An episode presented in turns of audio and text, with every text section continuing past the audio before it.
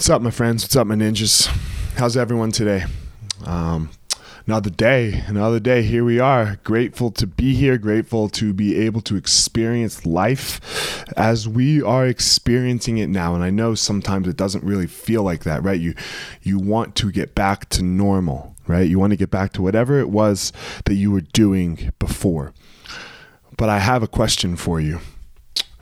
And I know, and I'm guilty of this too, as always. Um, so often we at we are like, man, I just don't have time for that. Right? Like a month ago, two months ago, that's what we were saying. I really want to do this, but I just don't have time for that. Well, you've got time now, and I've got time. So, what are those things that you get to, to readdress in your life? Right?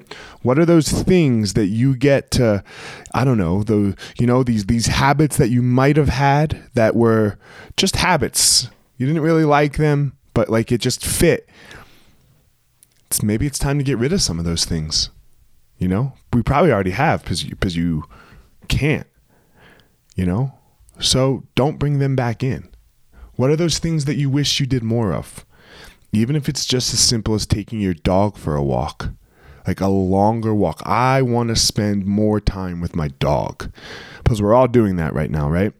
Can you keep that up? Can and, and can you keep that up because look, you know I don't know. I know for me how how good it makes me feel when I'm on that walk from my dog with my dog. I got nothing else. To, you got nothing else to do. You can only fill your time with so much with so many things right now. So that nice long walk you know, that I take with my dog, that my family and my kids and my wife and I take with the dog, you know, man, it sure is pretty nice. It sure does make me feel pretty good. So, are we going to stop those things when COVID ends?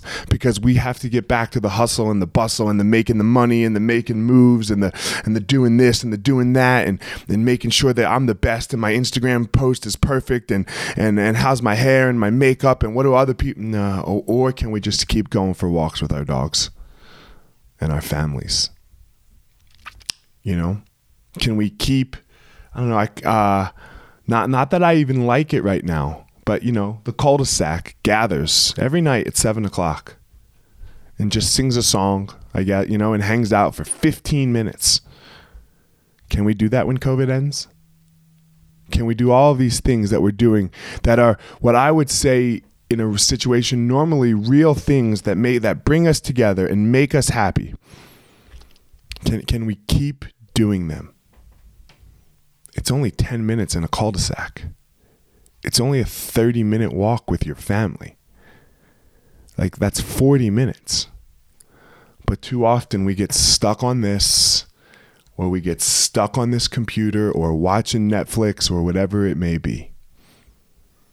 The real power is with each other. So let's find our power.